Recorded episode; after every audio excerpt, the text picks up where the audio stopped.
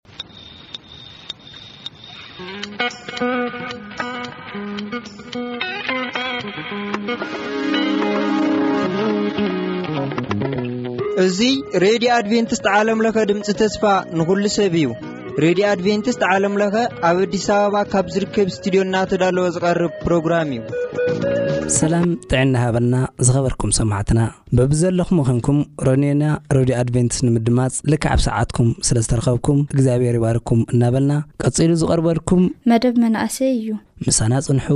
ሰናይ ምክትታል።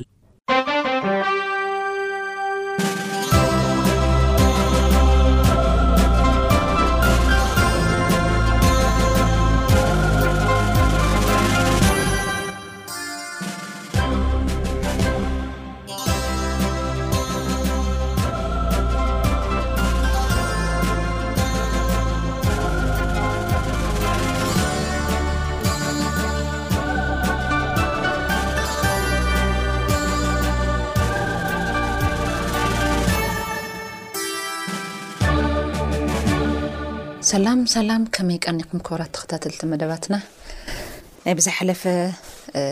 ኣይሓድገካን ብዝብል ሳልሳይ ክፋል በፂሕና ነርና መጀመርያ ናይ ኣይኮነን ሓምሻይ ክፋል ኢና ሕጂ መጀመርያ ንያቆብ ካብኡ ንእያሱ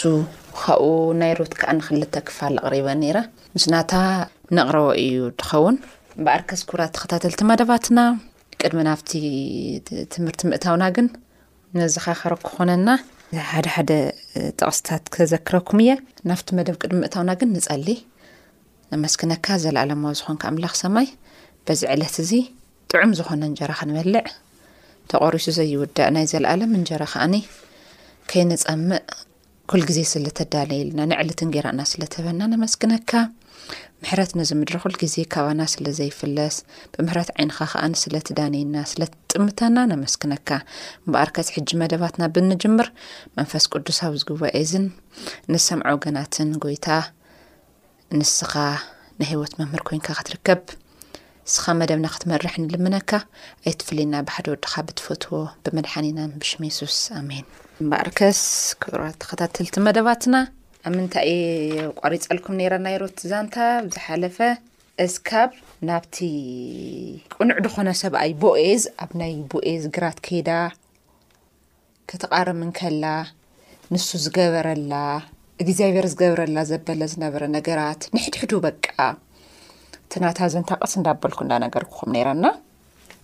በኣርከስ ሕጂ እውን መን እዩ ቦኤዝ ዝብል ነገር ከኣኒ ነሆሚ ከም ዝነገረታ ቦኤዝ ከኣኒ ናይ ይሁዳ ዘርኢ እዩ ዘን ንሳ ናብ መን እያ ትኸይድ ደላ ናፍቲ ናቱ ግራት ስለዚ ድሕሪኡ ታይ እዩ ክፍጠር ልብል ነገር ምክንያቱ እዛ ቆልዓ እዚኣ እንታይ እንታይ ጥያቄ ኣለዋ ሓደ ኣዝማድ እስራኤል ክትኸውን እያ ትደለ ነይራ ካልኣይ ከዓኒ ናይ እስራኤል ኣምላኽ ክተምልኽ እዩ ዝደለየት ነይርዋ ሶ እዚ ዕድላት እዚ ከረኺባቶ ዶ ድብል ነገር ሕጂ ክንኣቲ ኢና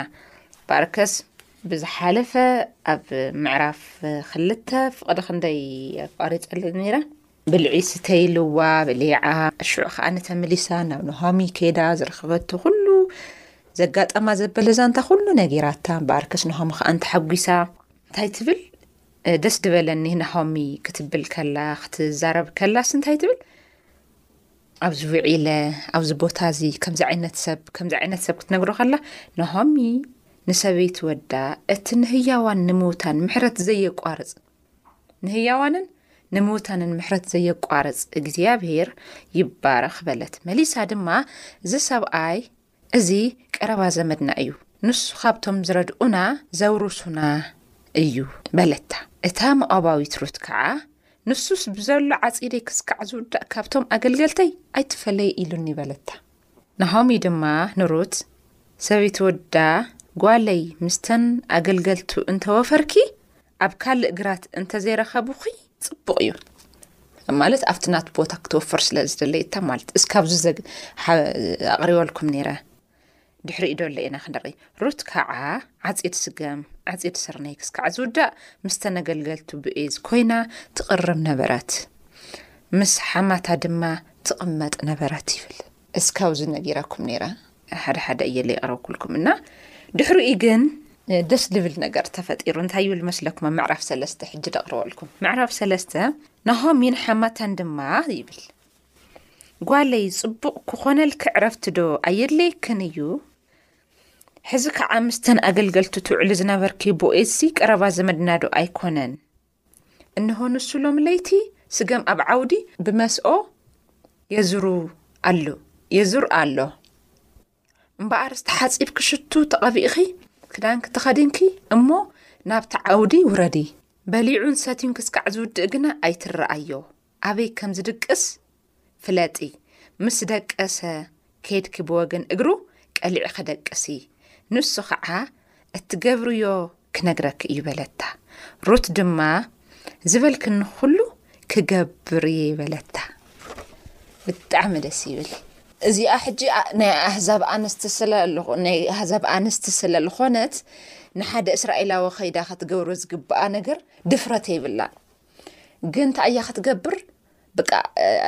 ሓደ ሓደ ለባማት ኣዴታት ንደቀን ንዝፈትወአን ዝገብርኦ ሰናይ ስነ ምግባር እያ ለጊሳትላ ሓደ እግዚኣብሔር እዩ ዝዛረብ ነይሩ ናሆሚ ብናይ ናሆሚ ኣንደበት እግዚኣብሔር እዩ ዝዛረብ ነይሩ እንታይ ነይርዋ ጥያቄ ኢለኩም ቀደም ትሒዛ ኣማዕድያ ትርኢ ነይራ ናብ ቤተልሄም ናብ እስራኤል እዞም ግድምታት ገለ በቃ እንዳ ማዕደየት መዓዝ ኮን ይወግሕ መዓዝ ኮን ከም ዝኸውን ዝብል ብዙሕ ጥያቄታት ነይርዋ ደሓር ናይ ዕለት እንጌራ ኣረኺባስ ዝነብራሉ ገዛ ረኺበንስ ሽዑ ግን ሓደ መዓልቲ እንታይ ትብላ ይብለኩ መፍቲ ታሪክ ተሓፃፂብኪ ተመሻሽጥኪ ፀቢቕኪ ዓውዲ ዓውዲ ለይቲ እዮም ዘኸይዱ ነይሮም መስለና ኣይደኖትኻ ሜ ምዃኑ ኣዚ ኣሰራርሖ ኣይፈልጥን ኣብ ከባቢና ለይትን ቀትርን ይካየድ እዩ ለይትለ ወርሒ ገለትሃለያ በተለይ ይካየድ እዩ ዓውዲ ዓውዲ ገለ የዙሩ እዮም ድሓር ውረዲ በሊዑ ሰት እዩ ክስካዕ ዝውድእ ግና ኣይትረኣዮ ኣበይ ከም ዝድቅስ ፍለጢ ምስ ደቀሰ ከይድ ክብወገን እግሩ ቀሊዕ ክደቅሲ ንሱ ከዓ እትገብርዮ ክነግረክ እዩ በለታ ሩት ድማ ኢላታ ዝበልክ ንኩሉ ክገብር እየ ምክንያቱ እዚ ስበቀርኩ በቀብጣዕሚ ፍሉይ ዘርኢ ገይረ እያ ተቆፅሮ ነራ ዝዘርኢ እዚ ናይ እስራኤል ዘርኢ እንታይ ኢለኩም እየ ካብቲ እስራኤላዊ ብላዕልስ ንሳስ ንናይ እስራኤል ዘለዋ ናይ እስራኤል ኣምላኽና ነቲ ዘርኢ ዝተሓረየሉ መንገድስ በቃ ብደንቢ ዝተረዳእ ይመስለኒ ነይሩ እቲ ዘርኢ ዝመረፀትሉ መንገድስ ዝተረዳእ ይመስለኒ ነይሩና እንታይ ይብል ቦኤዝ በልዐን ሰተየን ደስ እውን በሎ ኣብ ፀግዒ ኩልሳስ ክድቅስ ከዓ ፀግዒ ኩልሳስ ክድቅስ ከዓ ኸደ ሽዑ ሩት ቀስ ኢላ መጺኣ ብወገን እግሩ ቀሊዓ ደቀሰት። ከምታ ንሆሚ ዝበለታ ኣብታ ጥቕኡ ከይዳ ደቂሳ። ንስኺ ከዓ መን ኢኺ ኢሉ ጠየቓ። ንሳ ድማ ኣነ ሩት ግዝእትኻ እየ፣ ንስኻ ረዳእን ወራስን ስለ ዝኾንካ ጫፍ ክዳንካ ኣብ ልዕሊ ግዝኣትካ ዘርግሕ ኢላ ንሆሚ ግን እንታይ ኢላታ ነይራ መሲልኩም ንስኻ ረዳኢናን ረዳእን ወራስን ስለ ዝኾንካ ጫፍ ክዳንካ ኣብ ልዕሊ ግዝኣትካ ዘርግሕ ኢላ መለሰትሉ ቦኤዝ ከዓ ኣትጓለይ ደድሕሪ ሃብታም ኮነ ድኻታት መንእሰይ ስለ ዘይሰዓብኪ ካብቲ ቀደማይ ቅንዕናኸስ እቲ ዳሕረዋይ በሊፁ እዩ እሞ እግዚኣብሔር ይባረኽ በላ ውይ ደስ ክብል ባርኮት በቃ ብጣዕሚ ደስ ይብል ሕዚ ድማ ጓለይ ኣይትፍርሒ ለባም ሰበይት ምዃንኪ ኩሎም ደቂ ዓደይ ስለ ዝፈለጡ ዝበልክዮ ኩሉ ክገብረልኪ እየ እንተ እቲ ናይ እስራኤል ኣምላኽ ክንዲ ምንታይ እሞን ይመስለኩም መመገዳ እንዳኸደ በቃ መገዳ እንዳፅረየ እዩ ዝኸይድ ነይሩ እሞ ከዓኒ ብጣዕሚ ሕያዋይ ዝኾነ ሰብ ቅኑዕ ሰብ እዩ ተላልይዋ እሞ ከዓ ንዘርእ ክትመርፅ ከላ ቅድሚት ግን እንታይ ተነጊሩ እዩ ነይሩ ያቆብ ንይሁዳ ክምርቆ ከሎ ክባርኾም ከሎ በትረ መንግስቲ ካባካ እዩ ግዛኣት ካባካ እዩ ክብሎ ከሎ ኣብ ቦኤዝ ናይ መን ዓሌት እዩ ናይ ይሁዳ ዓሌት እዩ እና ክባርኻ ክምርቓ ገለ ከሎ ንርኢ እና እንታይ ይብል ካብቲ ናይ ቀዳማይስ ተካላኣዋይ ለባም ምዃን ክርኤ እዮ ብጣዕሚ ማለት እሱ እውን የስተውዕላ ነይሩ ይመስለኒ እግዚኣብሄርስ ብዓይነት ኣይድበሃል ቁራኛ ክከታተላ ዝገበረ ዓይነት ይመስለኒ ኣይነጸገን ማለት ይኽእል እዩ ነይሩ እኮ ግን ቀዲሙ ናይ ቦኤዝ ልቢ እውን ተንክዩ ክዲ ክትብላ ከላሲ ክዲ ክትብላ ከላ ናሆሚሲ እግዚኣብሔር ዘይዘጋጀ ይኮነይ ተለይከውን ነይሩ ከቢድ እዩ ክኾን ነይሩ ግን ናይ ቦኤዝ መንፈስ እውን ነኽእዎ ክትዕብተይደለይ በቃ ትሑት ሰብ ነይሩ የስተውዕል ነይሩና እንደቂ ዓደይ ስለ ዝፈለጡ ዝበልክዮ ኩሉ ብቀዲ ለባም ምክንያቱ ስክስ ለባም ምዃንክስ ህዝበይን ደቂ ዓደይን ፈሊጦም እዮም ስለ ዝደለኽዮ እታ ክገብረልኪ እየ ክህበኪ ክሰምዐኪ እየ ኢልዋ ሕዚ ከዓ ሓቂ እዩ ኣነ ወራሲኺ እየ ግና ካባይ ዝቐርብ ወራሲ ኣሎ ንሎም ለይቲ ሕደሪ ጽባሕ ድማ ንሱ እንተወረሰኪ ጽቡቕ ይውረስኪ ክወርሰኪ እንተዘይደለየ ግና ኣነ ኸም ዝወርሰኪ ብህያው እግዚኣብሔር እምሕል ኣለኹ ሕዚ ግና ክስካዕ ዝወግሕ ደቂ ስበላ ብጣዕሚ ደስ ይብል እንታይ ኢልዋ ስርዓት ኣለዎም እቲ ቀደም ብዘዳግም ሙሴ ዝነግሮም ዝነበረ ከምዚ ምስ ኣተኹም ከምዚ ምስ ገበርኩም ዘይግበር ነይርዎም ስርዓታት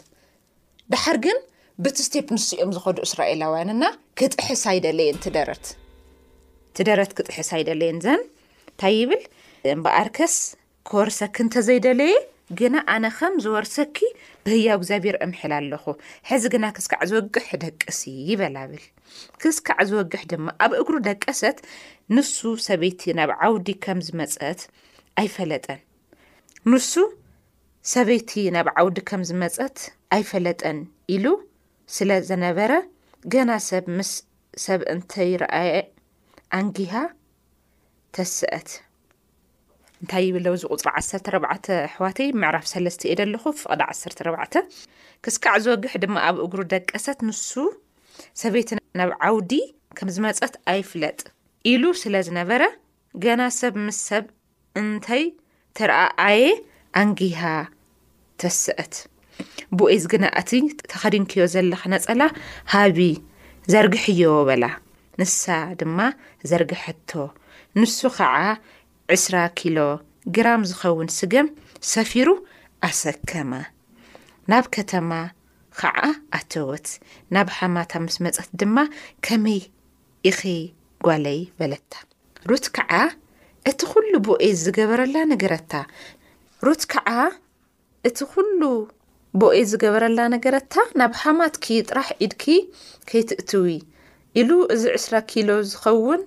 ስገም እዚ ሂቡኒ ድማ በለታ። ናሆሚ ከዓ ቦኤዝ ነዚ ነገር እዚ ሎሚ እንተይ ፈጸመ ኣይዓርፍን እዩ እሞ እቲ ነገር ከመይ ከም ዝውዳእ ክስካዕ እትፈልጢ ሱቕ በሊ ጓለይ በለታ ስለዚ እግዚኣብሔር ካልኣይ ታገይረላ ኣሎ ማለት እዩ መጀመርያ ንሱ ክተምልኽ ዕድል ኣዘጋጅዩላ ረኺባ ምስ ናይ እስራኤል ኣምላኽ ምስ እስራኤላውያን ናይ እስራኤል ኣምላኽ ክተምልኽ መንገዲ ረኺባ ዳሕራይ ግን ዓሌት እውን ደልያ ነራ ዘርኢ እውን ክትፋረ ክትወልድ እስራኤላውያን ዝበሃሉ ዘርኦም ክትወልድ ድሌት ነይርዋ ናሆሚ ከምታ ድበለታ ከይዳ ገይራ ናይ ናሆሚ ሓሳብ ኣይኮነን ነይሩ ኣብ ናይ ናሆሚ ኣንደበት እዩ እግዚኣብሔር ዝግለፅ ነይሩ ከይዳ ከዓ ንእግዚኣብሔር ሓሳባ ፈፂሙላ ግን እዚ ነገር እዚ ዝተገበረ ብጣዕሚ ቁኑዕ ናይቲ ዓዲ ብቃ ብጣዕሚ ዝኣምንዎ ሰብ ስለዝኮነ እዘን እዚእን ነገራት ከይሰርሐን ስለዘይዓርፍ በዛ ዕለት እዚኣ ንስክሱቅ ኢል ከተፀበ ኢላታ ከምታ ድበለታ ከዓ ንገይራ ከምዛ ዝበለታ ምስ ገበረት ምዕራፍ ኣርባዕተ እንታይ ይብል? ቦኤዝ ድማ ናብ ባይቶ ኣፍ ደገ እታ ኸተማ ኸይዱ ኮፍ በለ። እንሆ ኸዓ እቲ ቦኤዝ ብዛዕባኡ ዝተገበረ ዝተዛረብሉ ናይ ቀረባ ዘመድ ይሓልፍ ነበረ። ንእኡ ድማ ጸዊዑ ኣግልስ እሞ ቅርብ ኢልካ ኣብዚ ተቐመጥ በሎ። ንሱ ኸዓ ቅረብ ኢሉ ተቐመጠ። ቦኤዝ ድማ ካብ ዓበይቲ እታ ኸተማ ዓሰርተ ሰብ ጸዊዑ ኣብዚ ተቐመጡ በሎም። ንሳቶም ከዓ ተቐመጡ። ሽዑ ቦኤዝ ነቲ ወራሲ ቀረባ ዘመዱ እዛ ካብ ምድሪ ሞኣብ ዝተመልሰት ኖሃሚ ነቲ ገራሁ ኣቢሜልክ ሓውና ክትሸጦ ስለ ዝደለየት ኣነ ድማ ኣብ ቅድሚ እዞም ተቐሚጦም ዘለዉ ኣብ ቅድሚ ዓበይቲ ህዝበይ ክትዕድጎ ዝግብኣ ንስኻ ምዃንካ ክፈልጥ ክፈልጠካ ሓሰብኩ። በይዛኻ ወራሲ የለን፣ ብድሕሬኻ ኸዓ ኣነ እየ እሞ ትዕድጎ እንተ ኾይንካ ዓድጎ፣ ዘይትዕድጎ እንተ ኾይንካ ግና ክፈልጥ ንገረኒ በሎ ይብል። ብዘይካኻ ወራሲ የለን ብድሕሬኻ ከዓ ኣነ እየ እሞ ትዕድጎ እንተኾይንካ ዓድጎ ዘይትዕድጎ እንተኾይንካ ግና ክፈልጥ ንገረኒ በሎ ንሱ ከዓ ክዕድጎ እየ በለ ቦኤዝ ድማ ነታ ግራት ካብ ናሖሚ እተዐደገላ መዓልቲ እቲ ርስቲ ብስም እቲ ምዉት ምእንቲ ክጽዋዕ ንሩት እታ መኣባዊት ሰበይቱ እቲ ምዉት ክትወስዳ ኢኻ በሎ ዘመድ ርስተይ ከየበላሹስ ኣይወርሳን እዚ ንምንታይ ይኸውን ኣሎ መስለኩም እግዚኣብሔር ካብ ናይ ይሁዳ በትረ መንግስቲ ክውረስ ዝደልዮ መንገዲ ስለ ዝነበረ ማለት እዩ እቲ ናይ ቀረባ ዘመድ ርስተይ ከየበላሹሲ ኣይወርሳን እየ ክወርሳ ኣይክእልን እሞ ንስኻ ወረሳ ኣበሎ በቃ ደቂስ ክሕደር ገለ ኢልዋ እምበር ኣይወረሳን ንስኻ ወረሳ ምስ በሎ ቀደም ኣብ እስራኤል ኣብ ምውራስ ኣብ ምልዋጥ ኩሉ ነገር ምእንቲ ክጸንዕ ሰብ ሰኣኑ ኣውፅኡ እዩ ነቲ ብፃይ ክህቦ ልማድ ነበረ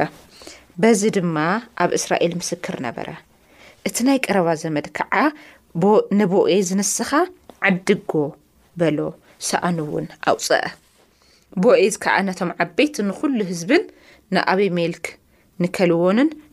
ንማሕሎንን ዝነበረ ኵሉ ካብ ናሆሚ ከም ዝዓደጎ ሎሚ ንስኻትኩም ምስክር ኢኹም። ስም እቲ ምዉት ድማ ኣብ ማእከል ኣሕዋቱ ካብ ዝኽሪ ዓዱ ከይጠፍእ ርስቲ እቲ ምዉት ብስም ክጽዋዕ ኢሉ ንሩት እታ ሞኣባዊት ሰበይቲ ማሕሎን ሰበይተይ ክትዀነኒ ከም ዘወሰድኩዋ ሎሚ ምስክር ኢኹም በሎም። እቶም ኣብ ባይቶ ኣብ ኣፍ ደገ ኸተማ ተቐሚጦም ዝነበሩ ዅሎም ዓድን ከዓ መሰኻኽር ኢና፣ ነዛ ናብ ገዛኻ እትኣቱ ሰበይቲ እግዚኣብሄር ከምተን ብሓደ ዀይነን ንቤት እስራኤል ዝሃነጻ ከም ራሄልን ልያን ይግበራ፣ ኣሜን መሪቖምዋ። ዓዲ ከይቀረየ ልተቓወማ ኣይነበረይ። በቃ ናይ ኣህዛብ ኣንስቲ እያ ስቕናኣ ካይትምጥነካ እየ ወልወይ በቃ እንድሕር እግዚኣብሔር ኣይሓድገካ እንተይልካ ማ ዝቃወመካ ኣካል የለን ኩሉ ይቕበለካ ይሰልጠካ ኣብ ካሊእ ለይ ሰልጥ እነበረ ኣባኻ ይሰልጥ ኩሉ ግዜ ዘቃንዕ ምሳኻ እንተ ደኣ ሃልዩ ከምታ ንእያሱ ከምታ ንያቆብ ከምታ ንሙሴ ዝቃወመካ ኣካል የለን እንዳበሎ ዝነበረ እንዶም ብትርፊ ኣብዚ እንታይ ይብልሲ ክደግመልኩም እየ በሎ ሽዑ እንታይ ኮነ ይብል ቦኤዝ ንሩት ወሪስዋ ግዝእቲ ኮይና ማለት እዩ እግዚኣብሔር ዝተመስገነ ይኹን ትፅቢታ ተስፋኣ ሓሳባታ ላብኡ ደርብያ ትጥምቶ ትምነዮ ዝነበረት ብምልኡ እሳኮ ተራ ነገር ክመስል ይኽእል እዩ ከምዚ በዚ ሕጂ ሰዓት እንታይ እንታይ እንታይ ፀገም ኣለዎ ቀሊል ኣይኮነን ድዩ ቀደም ኣህዛብ ምስ ናይ እግዚኣብሔር ህዝቢ ክዋሰቡ ኣይኽእሉን ነይሮም ሽዑ ግን በቃ ልይ ድሩስ ዝኾነ ነገር ነይሩ ኣብቲ ሰዓት ንሱ እግዚኣብሄር ፅምኣታ ርእይዎ ከምዚ ናታ ፅምኣት ማ ከማን ብሱራ ይርከብ ሩ ብጣዕሚ ቅንዕቲ ሰብ እያ ትሕቲ ከኣነ ነይራ ይብል በቃ ንክትግዛእ በቃ ድሓን ይኹን በቃ ዝቐረ ይቕረ ዓይነት ኣብ ዝኾነ ታሪካ ሓሲራ ዝብል ታሪክ ኣብ ናይ ሩት ታሪክ የለን ንብዙሕ ዓመታት ተጸብያ ክትኾን ትኽእል እያ ቀሊል ኣይኮነ ቀሊል ኣይኮነ ግን እንታይ ይብለና ግን እንታይ ይብለና እግዚኣብሔር ኣይሓደጋን ዘይሓድግ ኣምላኽ እስካብቲ እትመውት ምስኣ ነይሩ ይብል ኣብቲ ታሪክ ዛንታ ሽዑ ከዓኒ ትትደልዮ ዘርኢ መስሪታ እግዚኣብሔር ዝኸብረሎም ክኸብረሎም እየ ዝብሎም እዚ ናይ ህይወት ገንሸል ዝኾነ ክርስቶስ ካብኦም እዩ ተመስሪቱ እቲ ዘርኢ ሓረካዊ እዩ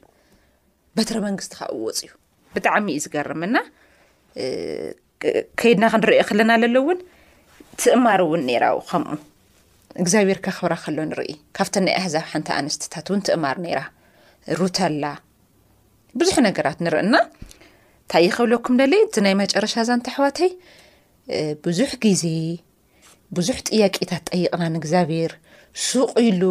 ሱቕ ዝበለ እንተ ደኣ ኮይኑ ተሰሚዑና እቲ ኮይኑ እግዚኣብሔር ይሰርሕ እዩ ደሎ ኣብ ከይዲ እዩ ደሎ ዘይሰርሕ እግዚኣብሔር ኣይኮንና ንፈልጥ ገና ንሕና ከይተመስረትና ንምድሪ ሰሪሑ እዩ ኣፅኒሕዋ ስለዚ ንሕና ናብ ዝኾነ ቦታ ክንከይድ ከይዘጋጀየ ኣየቕምጠናይ ከይዘጋጀየ ለምሳሌ ሩት እስራኤላዊ ዝኾነ ሰብኣይ ደልያ ክገርመኩም ከኣ ኣዘጋጅዩላ እምበኣርክስ ዓዲ ምሉእ ዝምስክረላ ሰብ እውን ገይሩላ ስለዚ እንታይ ክብል ንርኢ ብጣዕሚ ክግረም ከሎ ንርኢ ኣብ ድኾነ እዋን ግን ኣብዝሓለፈ ምዕራፍ ሰለስተ እንታይ ኢለኩም ነይረ ኣነሲ ኩሉ ነገር ስኢነ በቃ ባዕለይ ከብደይ ክዕንግል ኢለ ዝኸድኩ ናብ ሞኣብ ከተማ ሲ ደቀይን ሰብኣየን ስኢነ በቃ ከሲረ መፀ ኪሰራ ብኪሰራ ኮይነ ድበለት ሰበይቲ ግን ኣብ ድኾነ እዋን ከተመስግን ከላ ንርኢ እንታይ ትብለውዝሲ ሽዑ ቦኤዝ ንሩት ወሰዳ፣ ንሳ ሰበይቱ ዀነት፣ ናብኡ ናብኣውን ኣተወ፣ እግዚኣብሄር ከኣ ባረኻ እሞ ጠነሰት፣ ወድውን ወለደት። እተን ኣንስቲ ኸኣ፣ ወራሲ ኣይከልኣክን እሞ፣ እግዚኣብሄር ይባረኽ፣ እዚ ቈልዓ እዚ ድማ ኣብ ኵሉ እስራኤል ስሙ ይጽዋዕ፣ ካብ ሾብዓተ ወዲ እትበልጽ ሰበይቲ ወድኺ ወሊዳቶ እያ እሞ፣ ኣበእጋርኪ ዝምግበኪ ክኸውን እዩ በላ። ናሆሚ ድማ ነቲ ህጻን ወሲዳ ሓቖፈቶ። ሞግዚት ውን ኮነት። እተን ጎረባብትታታ ካዓ ናሆሚ ወዲ ተወሊዱላ ብምባል እዮቤድ ኢለን ሰየመኦ። ንሱ ኣቦ እሰይ እሰይ ካዓ ኣቦ ዳዊት ይብል እቲ ዛንታ። ባኣርከስ ካብዚ ዘርእዚ እዞም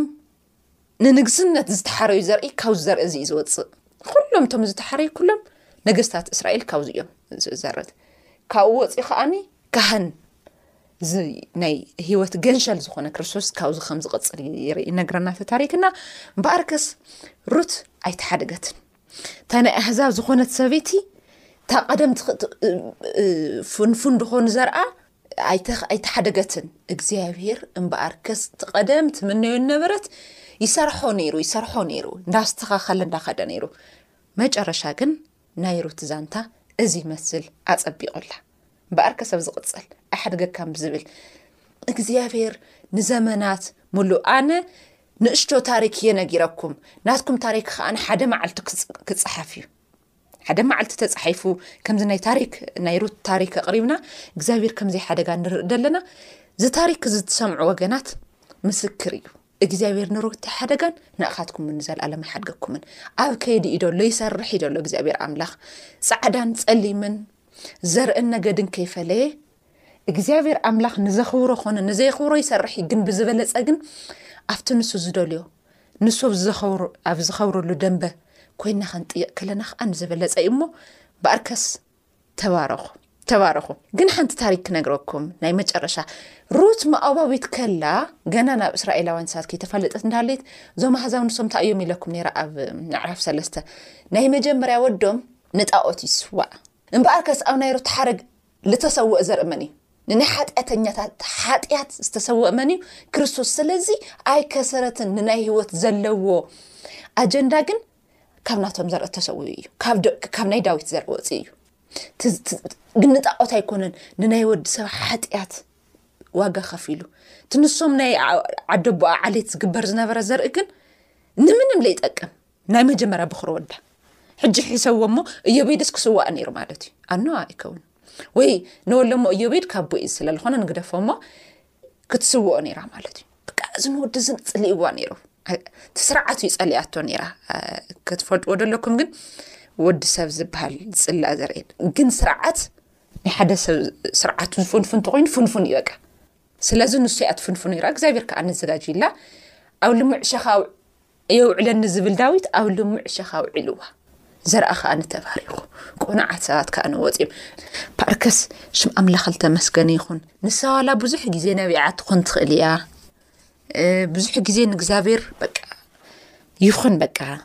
ድብል ብዙሕ ተፈታቲንዋ ክኸውን ይኽእል ግን እግዚኣብሔር ለ ነቲ ትደልዮ ክፍጽመላ ዝዕገስ ልቢ ሂዋ እግዚኣብሔር ትደልዮ ነገር ክፍጽመልካ በተለይ ንሱ ዝኸብረሉ ንስኻ ለለ ትጥቀመሉ ተኮይንካ ልብኻ እዩ ዘረጋግዖና ልባ ነቲ ናይ ካሊእ ነገር ከይሽፍት ይቆሃፀሮ ከም ዝነበረ መጨረሻ ከዓኒ ነቲ ትደልዮ ነገር ከም ዘፀብቐላ ከም ዘማልእላና ተባረኹ ኩለኹም